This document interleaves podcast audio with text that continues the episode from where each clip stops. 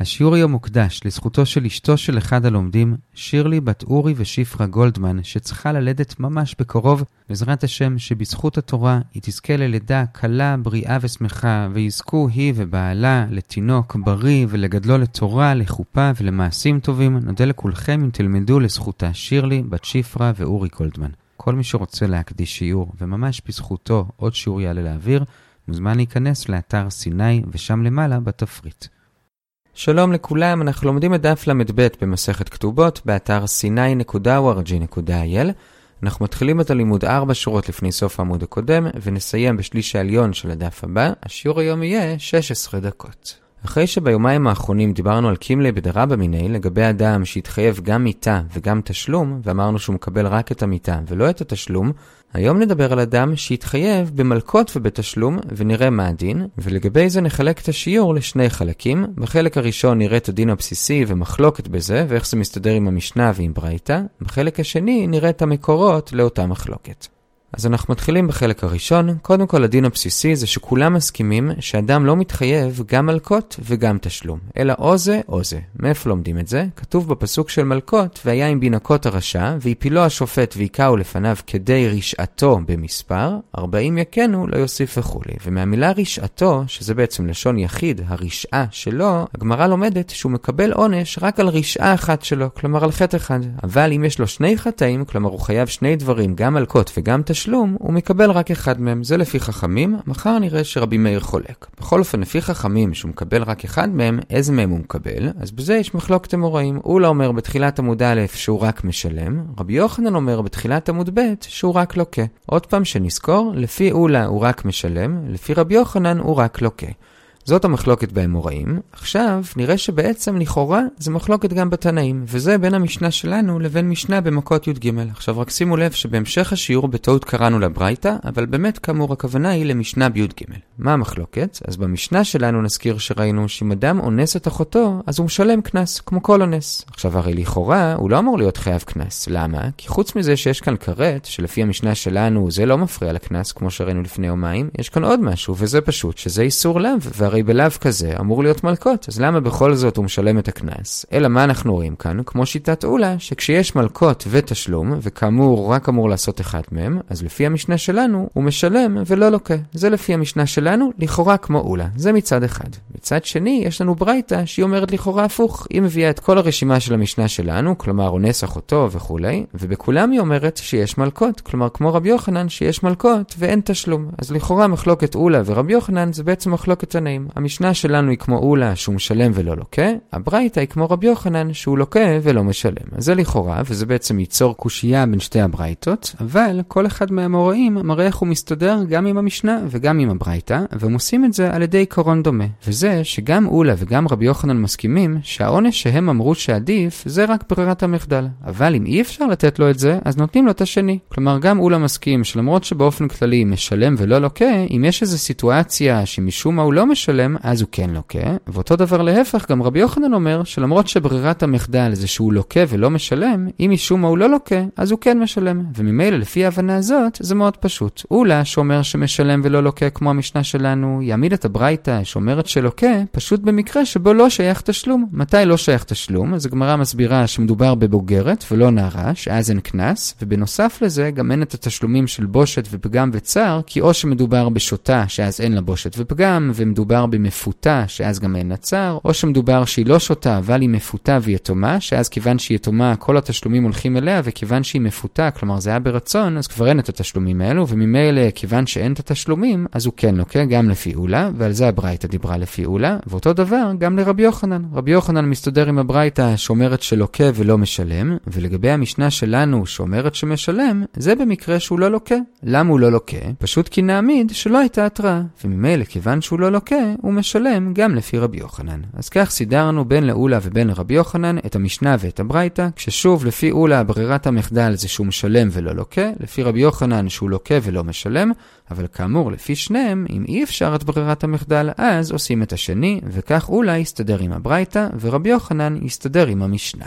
עכשיו רק נעיר בסוגריים שזה מה שאומר רבי יוחנן כאן, אבל בדף ל"ה אנחנו נראה דעת ריש לקיש שהוא מסכים לרבי יוחנן שלוקה ולא משלם, אבל בניגוד לרבי יוחנן הוא אומר שגם אם בפועל הוא לא לוקה, למשל כי לא הייתה התראה, בכל זאת הוא לא ישלם. כלומר יש כאן איזשהו פטור עקרוני מתשלום, ולא רק בגלל שהוא לוקה בפועל, בכל אופן זה בסוגריים, נראה את זה עוד כמה דפים בדף ל"ה. עד כאן עיקר השיעור, ראינו את הדין הבסיסי ואת המחלוקת ואיך הם מסתדרים עם המשנה והברייתא. בינתיים מה שראינו זה הסוף של העמוד הקודם ותחילת עמוד א' ותחילת עמוד ב'. עכשיו, בחלק הבא של השיעור נשלים את כל הקטעים הארוכים שדילגנו עליהם, וזה המקורות למחלוקת של אולה ורבי יוחנן, כששוב נזכיר, כשיש לו גם מלקות וגם תשלום, כמו באונסת אחותו הנערה, לפי אולה הוא משלם, לפי רבי יוחנן הוא לוקה. עכשיו, את הדיון לגבי המקורות נחלק לשני סעיפים, וגם את הסעיפים עצמם נחלק לכמה שלבים. השלב הראשון זה סוג של הקדמה, זה עוד לא מקורות למחלוקת, אלא שני לאווים שבהם כולם מודים, כלומר גם רבי יוחנן, שבהם הוא משלם ולא לוקה. איזה לאווים? חובל ועדים זוממים. חובל זה מי שמכה את חברו, בזה הוא עובר גם על הלאו של הכאה, שלומדים את זה אגב ממלכות שהזכרנו מקודם, 40 יכן הוא לא יוסיף, מכאן שאסור להכות סתם, והוא גם מתחייב בתשלום על הנזק שהוא גרם לחבר, יש כאן חמישה סוגים של נזק, שזה נזק, צער, בושת, ריפוי ושבט, זה לגבי חובל. לגבי עדים זוממים, זה שני עדים שהעידו בשקר, למשל שראובן חייב לשמעון כסף, ואז הזימו אותם, אז הם צריכים לשלם את אותו סכום שהם רצו לגרום לראובן לשלם, וגם הם עברו כאן על הלאו של עדות שקר. אז בשני האיסורים האלו, גם חובל וגם עדים זוממים, הדין לפי כולם, כאמור גם לרבי יוחנן, זה שהם רק ישלמו ולא ילקו. זה מופיע בערך בשליש התחתון של עמוד ב', ושם הגמרא גם מביאה מקור לזה, וזה של רבי הילה, וזה שהוא מציין שבשני התחומים יש ביטוי מאוד דומה, וזה נתינה ביד. איפה רואים את זה? אז נקרא את הפסוקים, שימו לב אגב לדמיון בין שני הפסוקים, שזה גם מראה על הדמיון בין שני התחומים. בעדים זוממים כתוב, ועשיתם לו כאשר זמם לעשות לאחיו וכולי, נפש בנפש, עין בעין, שן בשן, יד ביד, זה לגבי עדים זוממים. לגבי חובל כתוב, ואיש כי יתן מום בעמיתו, כאשר עשה כן יעשה לו, שבר תחת שבר, עין תחת עין, שן תחת שן, כאשר ייתן מום באדם, כן יינתן בו. אז שוב, בעדים זוממים כתוב בסוף יד ביד, בחובל כתוב כן יינתן בו, ואומר רבי הילה, בשני הדברים זה רומז לממון, כי ממון זה דבר שניתן מיד ליד, וזה דבר שיש בו נתינה, כן יינתן בו. ממילא מכאן לומדים שבשני התחומים האלו, כשיש מלקות ותשלום, הם משלמים ולא לוקים. עד כאן השלב הראשון בתוך הסעיף הזה. השלב השני זה סוג של סוגריים, נחזור קצת אחורה לאמצע עמוד ב', שם הגמרא רק מוכיחה שמה שאמרנו הרגע, שגם בחובל הוא משלם ולא לוקה, זה לא רק כשהוא לא לוקה בגלל שלא הייתה התראה, אלא גם כשהייתה התראה. בכל זאת, כמו שאמרנו, הוא משלם ולא לוקה. איך אנחנו יודעים שזה נכון גם לרבי יוחנן, שגם כשהייתה התראה, בכל זאת הוא משלם ולא לוקה? אנחנו יודעים את זה מזה שרבי יוחנן עצמו אמר שאם הוא חבל בחברו והנזק הוא לא שווה פרוטה, אז כיוון שהוא לא משלם, אז הוא לוקה. עכשיו כמובן שאם הוא לוקה, מדובר שהייתה התראה. ממילא מכאן אפשר לדייק שאם הנזק הוא יותר משווה פרוטה, אז אפילו שהייתה התראה, בכל זאת הוא משלם ולא לוקה, גם לפי רבי יוחנן. אז זה השלב השני בסעיף הזה, זה היה בסוגריים, ועד כאן הסעיף הראשון, שכאמור הסעיף הזה הוא בעצם הקדמה להמשך. אז שוב, בסעיף הזה אמרנו שלמרות המחלוקת שאמרנו בין אולה לרבי יוחנן, שלפי אולה הוא משלם ולא לוקה, ולפי רבי יוחנן הוא לוקה ולא משלם, יש שני תחומים שבהם רבי יוחנן מודה שהוא משלם ולא לוקה, וזה חובל ועדים זוממים, והבאנו את המקור לזה. עד כאן הסעיף הראשון. עכשיו, אחרי ההקדמה הזאת, בסעיף השני, נראה את המקורות של המחלוקת עצמה. נתחיל ברבי יוחנן, כי זה יותר קצר, זה נמצא בתחילת עמוד ב', וזה שכמו שאמרנו מקודם, עצם המקור לזה שהוא או לוקה או משלם, זה מהפסוק במלכות שכתוב כדי רשעתו, שזה רשעות אחת. עכשיו, רבי יוחנן אומר, בוא נמשיך לקרוא, תחילת הפסוק הבא זה 40 יכנו. אז הוא אומר, מהסמיכות הזאת אנחנו לומדים שכשאתה בוחר מלכות או תשלום, מה תבחר? את ה-40 יכנו, כלומר את המלכות. זה המקור של רבי יוחנן, שהוא לוקה ולא משלם. משלם, הגמרא שואלת אותו, אז מה תעשה עם חובל, ששם הוא משלם ולא לוקה? עונה הגמרא, בחובל, כמו גם לגבי עדים זוממים, יש לימוד מיוחד, כמו שהקדמנו בסעיף הראשון, אבל בשאר הלאווים, כמו באונס אחותו, הוא לוקה ולא משלם. זה לגבי רבי יוחנן. עכשיו נחזור חזרה לעמוד א' ונראה את המקור לאולה, שכאמור הוא משלם ולא לוקה.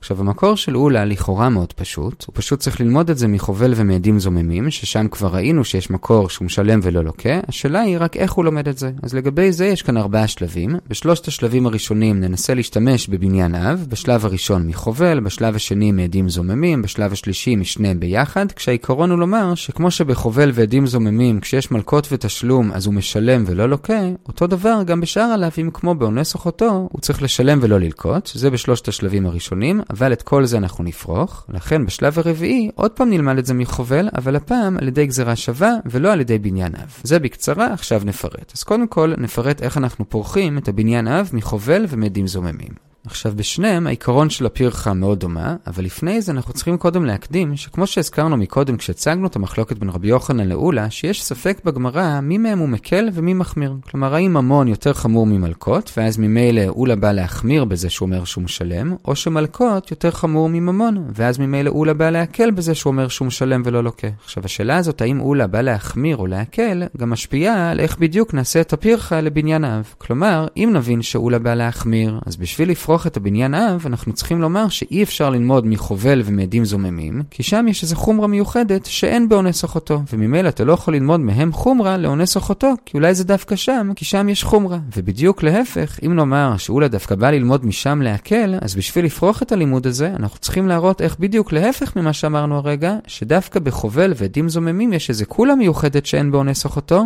וממילא אי אפשר ללמוד דין שבא להקל מתחום שהוא יותר קל. זה העיקרון של הפרחה, זה כמו שפורחים כל בנייניו, עכשיו רק צריך לראות באיזה דינים באמת חובל ועדים זוממים חמורים יותר מאונס אחותו, ובאיזה דינים הם קלים יותר, ולכן אי אפשר ללמוד משם בניין אב, בין אם זה יותר חמור, בין אם זה יותר קל. אז לגבי חובל, הדבר שבו הוא חמור זה שיש חמישה דברים שעליו הוא משלם, שזה נזק, צער, בושת, ריפוי ושבט, בניגוד לאונס אחותו שמשלם פחות, וגם בשאר מקרים של תשלומים בדרך כלל משלמים פחות, זה לגבי החומרה. לגבי הקולה זה שבחובל יש קולה מיוחדת, שזה שזה הותר מכללו. מה הכוונה? הכוונה שזה הותר מכללו, הכוונה היא שיש איזשהו מצב שבו מותר לחבול. מתי מותר לחבול? כשבייטי נותנים מלקות. אז אנחנו רואים שכנראה הפעולה הזאת של המלקות היא לא כל כך נוראית. הראיה שלפעמים זה מצווה לבייטין לעשות את זה, אז לכן זה תחום שיותר קל, ואתה לא יכול ללמוד משם לאונס, כי אונס לא הותר מכללו. כלומר אין שום מצב שבו מותר לאנוס. זה לגבי חובל, החומרה והקולה. עכשיו לגבי עדים זוממים, החומרה זה שבעדים זוממים יש חומרה מיוחדת שאין בלאווים האחרים, וזה שהם מקבלים את העונש שלהם אפילו אם זה מיטה, גם אם לא הייתה התראה, זה החומרה. הקולה זה שעדים זוממים הרי לא עשו מעשה, ובדרך כלל אנחנו לא נותנים מלקות אם לא היה מעשה, אז יכול להיות שזו סיבה להקל במיוחד בעדים זוממים, ולכן אי אפשר ללמוד משם לאונס אחותו וללאווים אחרים. אז ראינו את החומרה והקולה בשני התחומים, וממילא פרחנו את האפשרות ללמוד את הדין של אולה שהוא משלם מחובל או מעדים זוממים בבניין אב, אבל עכשיו השלב השלישי, בואו נלמד את זה משניהם ביחד בהצד השווה, כמו שהגמרא מציעה הרבה פעמים, וכל תחום יחפה על החומרו, על הקולה של התחום השני. זה מה שהגמרא מציעה, אבל גם את זה הגמרא פורכת, ונסביר את זה לפי התוספות, אפשר לעשות הצד השווה כשהקולה והחומרה שיש בכל תחום הוא משהו קטן. אבל כאן, כיוון שמדובר בקולה וחומרה מאוד משמעותיים, אז עכשיו אני כבר יכול לפרוח את הצד השווה על ידי שימוש בטענה הזאת עצמה, שבשני התחומים האלו, החומרה או הקולה הם מאוד חריפים, וממילא אתה לא יכול ללמוד משם ללאווים אחרים, שגם שם יהיה את אותה חומרה או קולה. ולכן גם את האפשרות ללמוד בבניין האב על הצד השווה הגמרא דחתה, ואז כאמור השלב הרביעי זה שבאמת לא לומדים את זה בבניין אב, אלא בגזרה שווה, שאת זה כבר אי אפשר לדחות על ידי פרחה. ומה הגזרה שווה? מהמילים תחת תחת. לגבי חובל כתוב עין תחת עין, לגבי אונס כתוב ולא תהיה לאישה, כלומר היא תהיה לו לאישה, תחת אשר עינה וכולי, אז עושים גזרה שווה שכמו שבחובל הוא משלם ולא לוקה, גם באונס ובשאר לאווים לפי אולה הוא משלם ולא לוקה. אז עד כאן המקור לפיעולה, הוא ניסה ללמוד מבניין אב מחובל ועדים זוממים, אבל פרחנו, ולכן הוא למד את זה מגזרה שווה מחובל. אז עד כאן המקור של אולה. עכשיו לסיום, בשורה האחרונה בעמוד ב', הגמרא מביאה שתי הצעות למה רבי יוחנן דוחה את הלימוד של אולה, והיא מסבירה מה אולה יענה לאותה תחייה.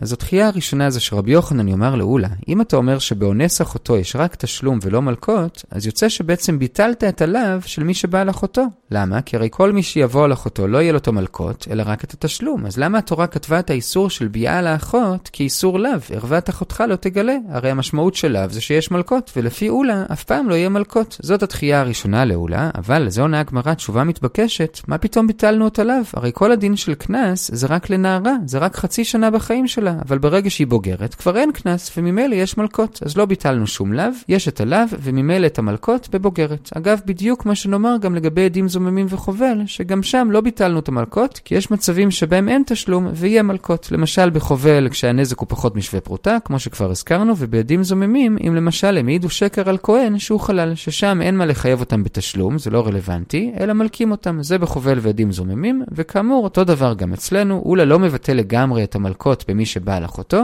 אלא רק בנערה. זאת התחייה הראשונה לאולה, אבל לזה עונה הגמרא תשובה מתבקשת, מה פתאום, אולה לא ביטל את המלקות במי שבא על אחותו, הוא רק ביטל את זה בנערה, שאז יש קנס של אונס, אבל בבוגרת, ששם אין קנס, אז עדיין יש שלב, ועדיין יש מלקות, ועל זה התורה דיברה, ולכן התחייה הראשונה יורדת. עכשיו רק נעיר בסוגריים, לכאורה גם בבוגרת עדיין אין מלקות, כי הרי עדיין יש את התשלומים האחרים של פגם וכולי, לכן צריך לומר שהתורה לא רק דיברה על בוגרת, אלא גם על מישהי כזאת שאין לה את התשלומים האחרים, כמו זאת התשובה לתחייה הראשונה.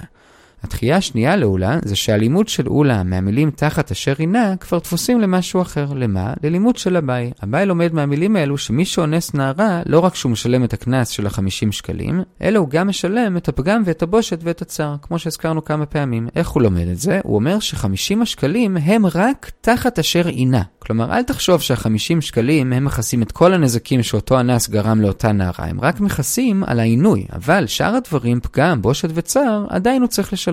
זה הלימוד של אביי, וממילא לכאורה, תחת אשר הינה, כבר תפוס ללימוד הזה. אז מה אולי יעשה? עונה הגמרא, אולי ילמד את זה ממקום אחר. מאיפה? מאיפה שרבא למד את זה, וזה מתחילת אותו פסוק. כתוב שם, ונתן האיש השוכב עמה להביא הנערה 50 כסף, ודורש מכאן רבא, עבור מה 50 כסף? עבור השוכב עמה. כלומר, 50 זה מכסה רק על משהו שחב עמה, אבל זה לא מכסה על הנזקים האחרים שהוא עשה לה, כלומר, הפגם, הצער והבושת. ממילא לאולה יש מקור אחר לדין הזה, ולכן, תחת אשר עינה, עדיין פנו לו ללמוד את הגזרה שווה מחובל, שהוא משלם ולא לוקה. אז עד כאן שני הניסיונות של הגמרא לומר איך רבי יוחנן ידחה את אולה, ואיך אולה יענה. בזה הגענו עכשיו לשליש העליון של ל"ג עמוד א', נעצור כאן, נחזור על מה שראינו.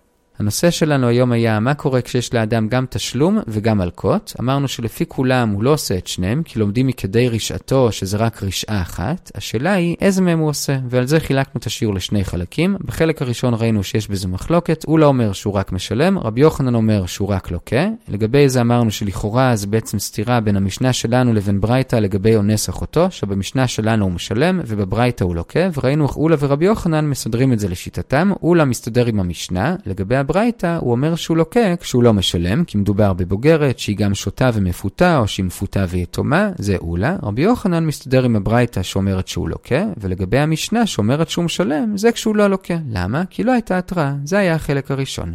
בחלק השני ראינו את המקורות למחלוקת, אבל קודם כל הקדמנו שיש תחום שבו רבי יוחנן מודה לאולה שהוא רק משלם, וזה בעדים זוממים ובחובל, וראינו שהמקור לזה זה מהפסוקים יד ביד, וכן יינתן בו, שזה רומז לממון, זה היה הקדמה. אחרי זה ראינו את המקורות עצמם, המקור של רבי יוחנן זה מהסמיכות בין כדי רשעתו לבין ארבעים יכנו, אז לומדים שאותו עונש יחיד שהוא מקבל זה המלקות ולא התשלום, זה רבי יוחנן. לגבי אולה אמרנו שיש ארבעה שלבים, בשלושת השלבים הראשונים הוא ניסה ללמוד שהוא משלם ולא לוקה מבניין אב, מחובל ומעדים זוממים, אבל פרחנו כי גם בחובל וגם בעדים זוממים יש גם חומרה וגם קולה על פני מי שאונס את אחותו, וגם משניהם ביחד אי אפשר ללמוד, כי החומרה והקולה שם הם מאוד יוצאי דופן, וזה בעצם מה שמאחד את שניהם, ולכן אי אפשר ללמוד משניהם לתחום אחר, לכן בשלב הרביעי אמרנו שהוא לומד את זה לא מבניין אב, אלא מגזרה שווה של עין תחת עין, ו ולא תהיה לו לאישה תחת אשר הינה. זה המקור של אולה, ולמה רבי יוחנן לא מסכים לזה? אז בהתחלה הגמרא הציעה כי אז הוא בעצם מבטל את אבל אמרנו מה פתאום מבטל? זה רק בנערה. בבוגרת עדיין יש הלאו, לכן ההצעה השנייה זה שהוא לא מקבל את זה, כי זה תפוס לו ללימוד אחר, וזה הלימוד של אביי, שלומד מתחת אשר הינה, שה-50 שקלים זה רק על העינוי, וזה לא כולל עוד תשלום שהוא צריך לשלם על הפגם, הצער והבושת. זה רבי יוחנן, אולי לעומת זאת ילמד את מה שהרגע אמרנו, כמו שרבא לומד את זה מ"ונתן האיש השוכב עמה", שה-50 זה על השכיבה ולא על שאר הנזקים, וממילא תחת אשר הינה עדיין פנוי לו לגזרה שווה מחובל שמשלם ולא לוקה. כל טוב.